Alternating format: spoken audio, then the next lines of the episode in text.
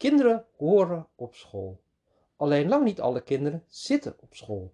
In Nederland zijn er zo'n 20 tot 30.000 kinderen die om wat voor reden dan ook thuis zitten. Kinderen die niet naar school gaan. Gek eigenlijk, hè? Want ieder kind heeft het recht op onderwijs. Dat is een kinderrecht in artikel nummer 28, even uit mijn hoofd, staat dat helemaal beschreven. Tja, thuis zitten, dat kan dus jouw kind ook overkomen. Afgelopen week heb ik in totaal, denk ik, zo'n vijf kinderen gehad die geschorst zijn of een berisping gehad hebben of een waarschuwing of hoe ze het ook genoemd hebben in ieder geval. Kinderen die gedoe hebben op school en hierdoor ook even niet naar school konden. Thuis zitten. Daar gaat deze podcast over.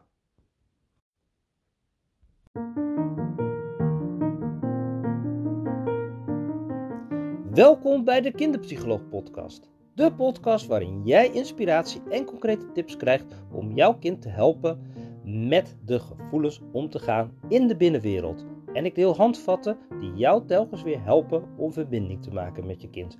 Ook als je kind heel moeilijk gedrag laat zien. Mijn naam is Sander Kooijman en ik ben kinderpsycholoog voor kinderen en hun ouders in de leeftijd van 4 tot 12 jaar. En ik neem je graag mee in mijn wereld met mijn benadering en mijn manier van werken met kinderen. Zodat we samen kunnen gaan en kinderen kunnen helpen om telkens, als de situatie moeilijk is, toch te gaan voor geluk.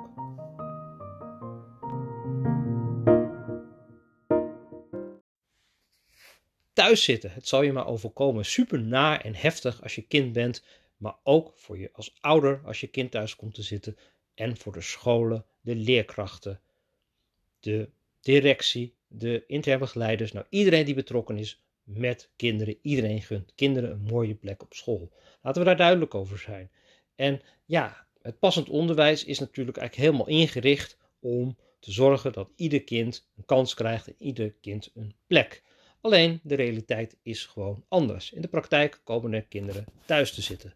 En daar hebben we dus mee te maken: 20 tot 30.000 kinderen per jaar. En dan heb ik het eigenlijk nog ineens over de groep waar ik het in deze podcast over wil hebben. De groep die bijvoorbeeld door een schorsing ja, eigenlijk over de grens heen gaat en even tijdelijk op uh, thuis komt te zitten. En ja, soms kan dat ook weer blijvende gevolgen hebben en gaat die periode langer aanhouden. Super naar. Ja, en de redenen waardoor kinderen thuis komen te zitten, die zijn natuurlijk heel divers. Um, ik kan natuurlijk niet inhoudelijk heel veel meegeven en vertellen over de kinderen die ik begeleid. Ik begeleid heel vaak thuiszitters. Ik gun ook echt kinderen een mooie plek.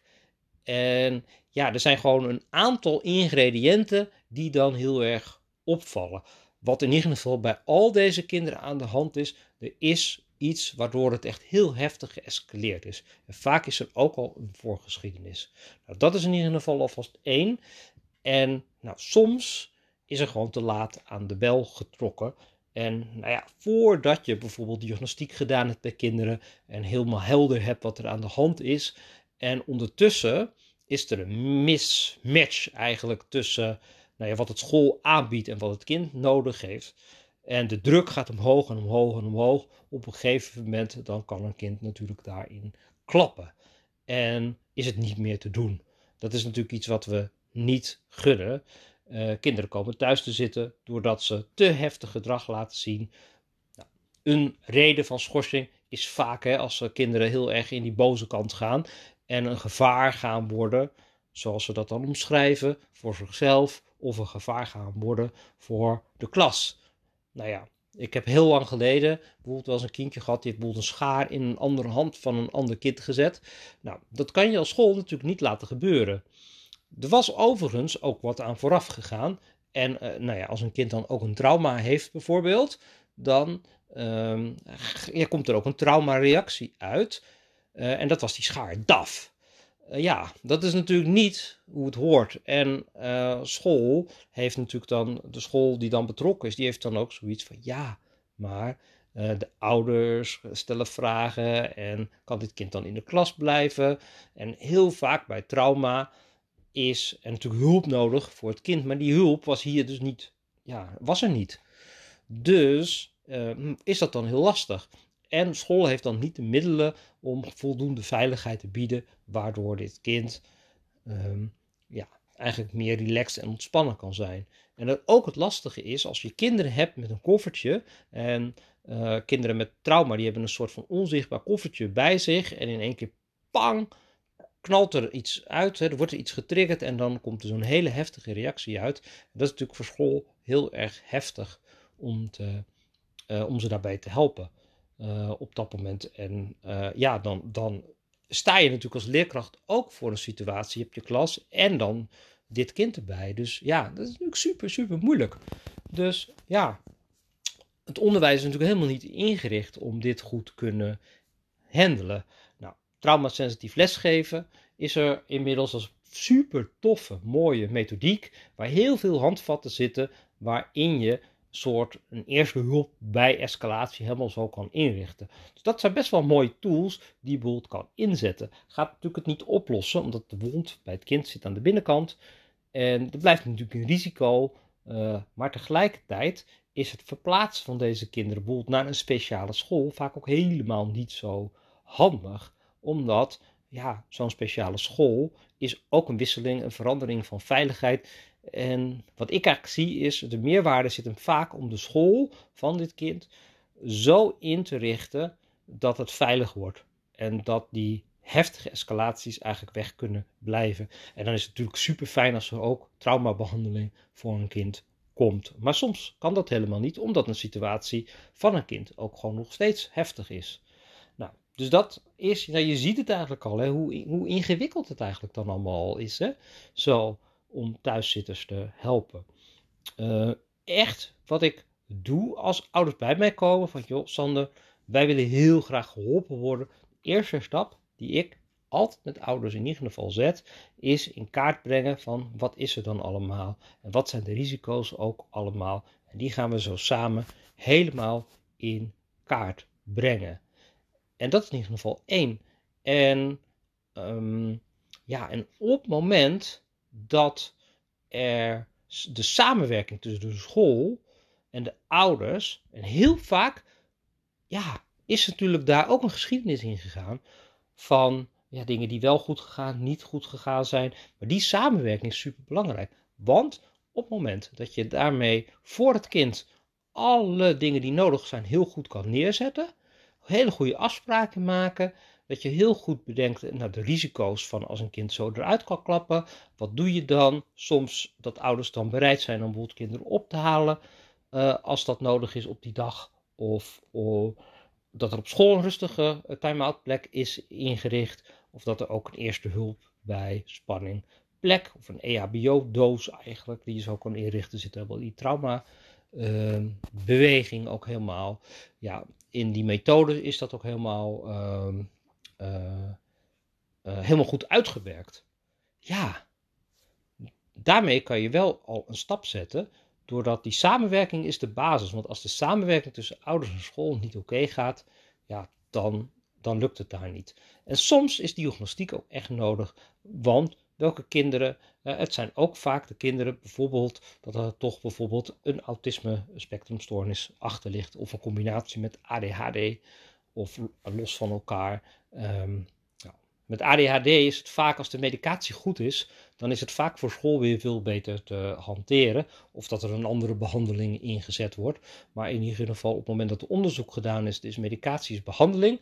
Over het algemeen gaan kinderen met ADHD ook vaak heel goed gewoon wel op de basisschool. Blijven ze soms nog steeds druk, is nog niet altijd makkelijk, maar niet meer zo in die escalatiehoek. Dus medicatie is ook één, medicatie en behandeling, onderzoek ja, dat zijn natuurlijk hele mooie dingen. Als die ingezet kunnen worden, dan, ja, dan is er natuurlijk ook gewoon veel duidelijker uh, geworden wat kinderen nodig hebben. En daar gaat het dus precies op mis. En het zal je misschien dan ook niet verbazen dat ik ook heel vaak kleuters heb.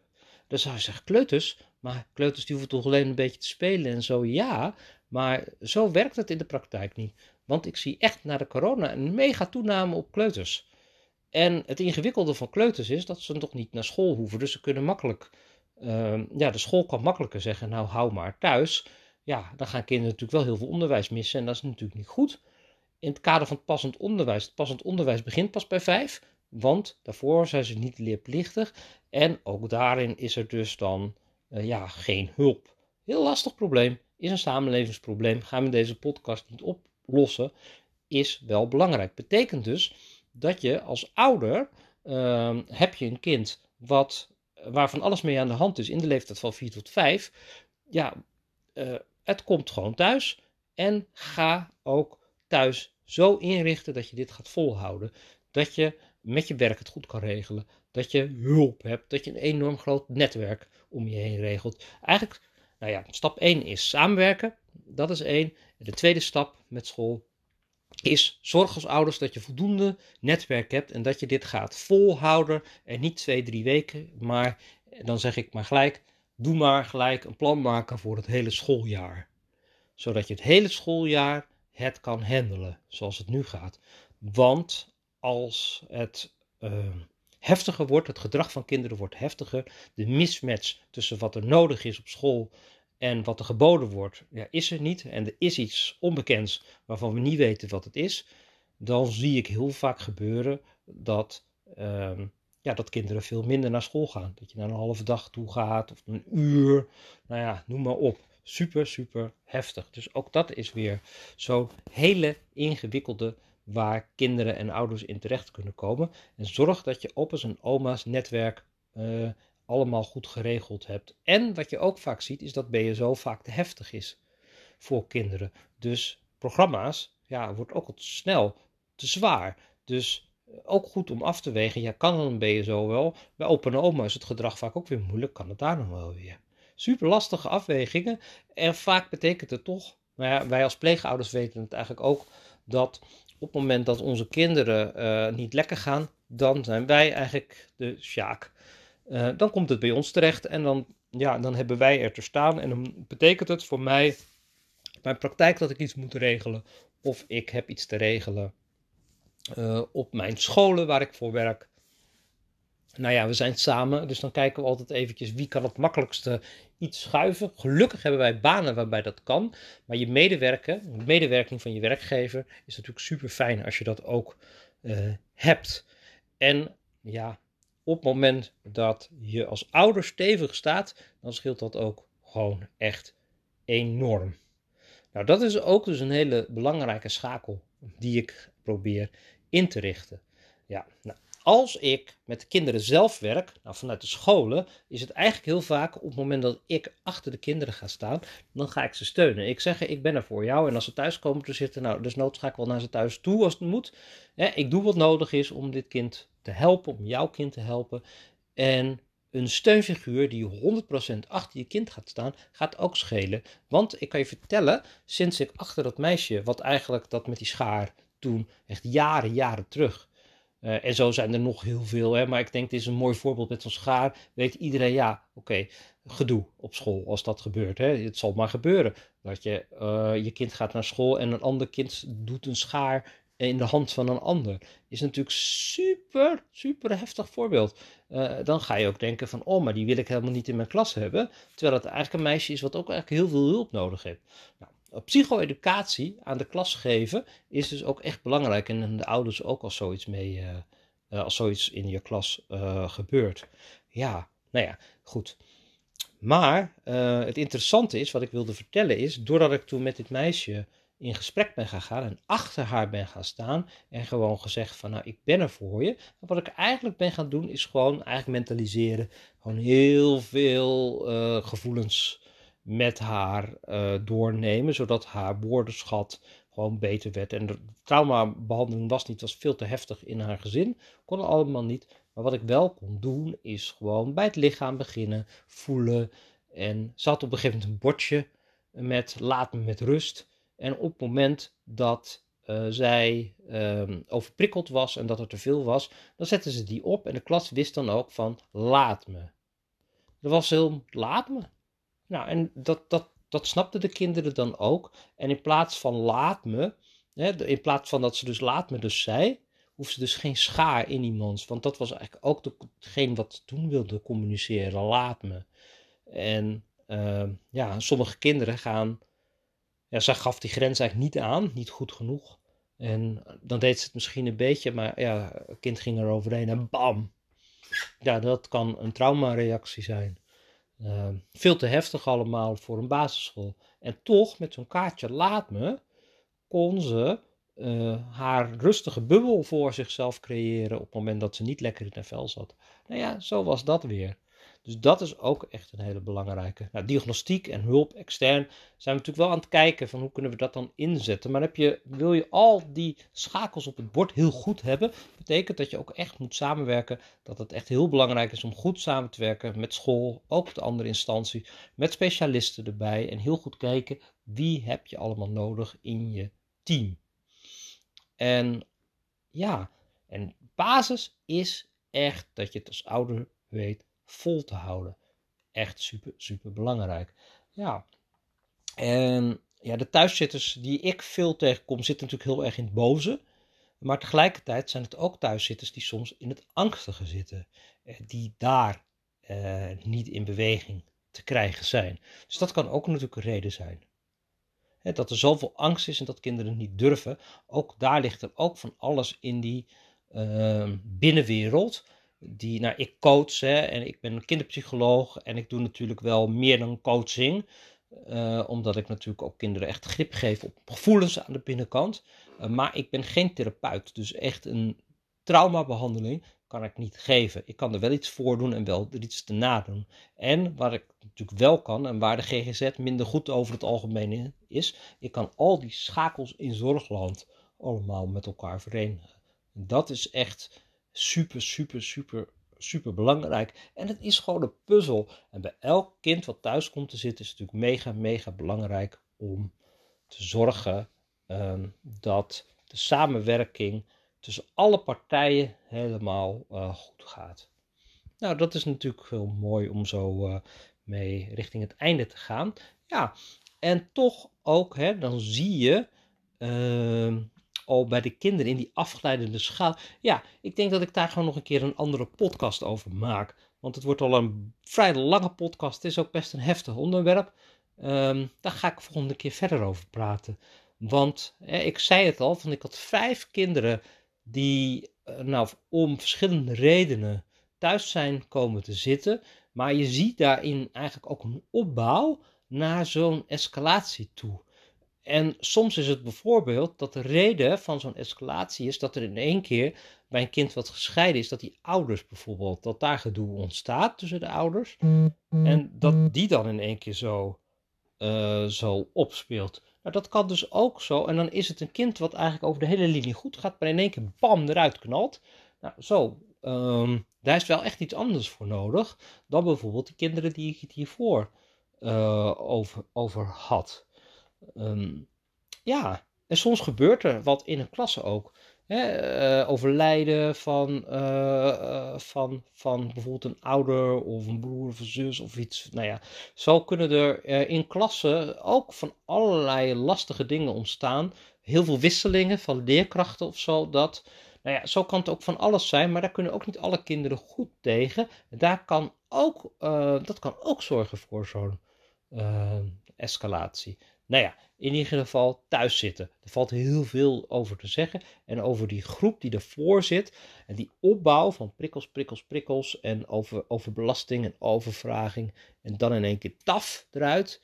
Ja, die is natuurlijk wel interessant om daar nog verder over door te praten met jullie. Heb je ook een thuis zitten en uh, wil je daar een keertje over praten met mij en hoe ik uh, daarbij kan helpen? Of heb je een kind waarvan je denkt van ja, die zou ook wel eens thuis kunnen komen te zitten. En het lijkt me zo handig om daarvoor al um, hulp bij te hebben. Nou, dan is het natuurlijk heel prima om daar een keertje eventjes een belafspraak over te maken. En al mijn online programma's die zijn natuurlijk te licht hiervoor. Die sluiten je niet goed genoeg aan. Maar je kan wel een belafspraak maken en kijken of ik uh, één op één ook jullie verder kan helpen. Nou, uh, Bedankt voor het luisteren en ik zie je heel graag bij een volgende podcast.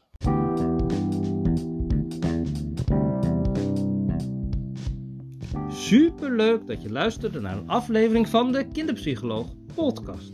Wist je dat je heel simpel een review kan achterlaten? Ga naar de podcast-app waarmee je deze podcast luistert en klik op reviews. Laat bijvoorbeeld 5 sterren review achter of nog leuker een geschreven review. Hartstikke bedankt. Ben je over deze podcast enthousiast geworden en over mijn benadering en wil je nog veel meer weten en ontdekken over praten met kinderen over gevoelens?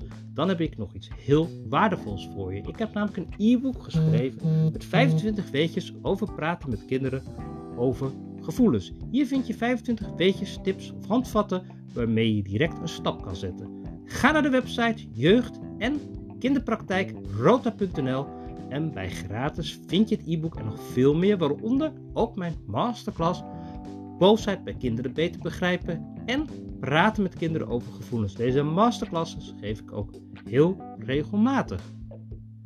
Wil je alle Kinderpsycholoog podcast netjes onder elkaar krijgen? Abonneer je dan op deze podcast en klik op het knopje subscribe of abonneer je. Je ontvangt dan een berichtje als er weer een podcast voor je klaar staat. Vond je deze podcast interessant en ken je iemand die ook baat kan hebben bij deze podcast? Deel hem dan gewoon eventjes. Dat kan je ook heel eenvoudig doen met de drie knopjes. Je kan hem dan delen en even doorsturen, maar je kan hem natuurlijk ook delen en aan je volgers sturen. Super fijn als je dat wil doen en zo laat je andere mensen ook weer mee profiteren van de tips en verhalen die ik deel in deze podcast. Dan heb ik nog iets heel erg waardevols voor je. Want als je denkt, ik kan wel direct hulp gebruiken. Ik wil wel graag dat je zou willen meedenken met ons. Dan heb ik namelijk een mogelijkheid om gratis belafspraak in te plannen. Dat kan je heel eenvoudig doen door naar mijn website te gaan, jeugd- en kinderpraktijkrota.nl. En bij contact kan je een belafspraak in mijn agenda plannen. Iedere week heb ik tijd en in zo'n belafspraak kunnen we natuurlijk kijken of ik je één op één kan begeleiden. We kunnen natuurlijk ook kijken welk stap je op dit moment kan zetten. Soms heb je gewoon een vraag en dan kan ik met je meedenken. En misschien wil je ook nog wel meer weten over een van de online programma's. In ieder geval, of gewoon ben je professional en wil je graag kennis maken en meer weten. Plan een belafspraak in en dan kunnen we nader kennis maken. Hartelijk dank voor het luisteren naar deze podcast. En ik zie je heel graag bij een volgende podcast. Een hele fijne dag.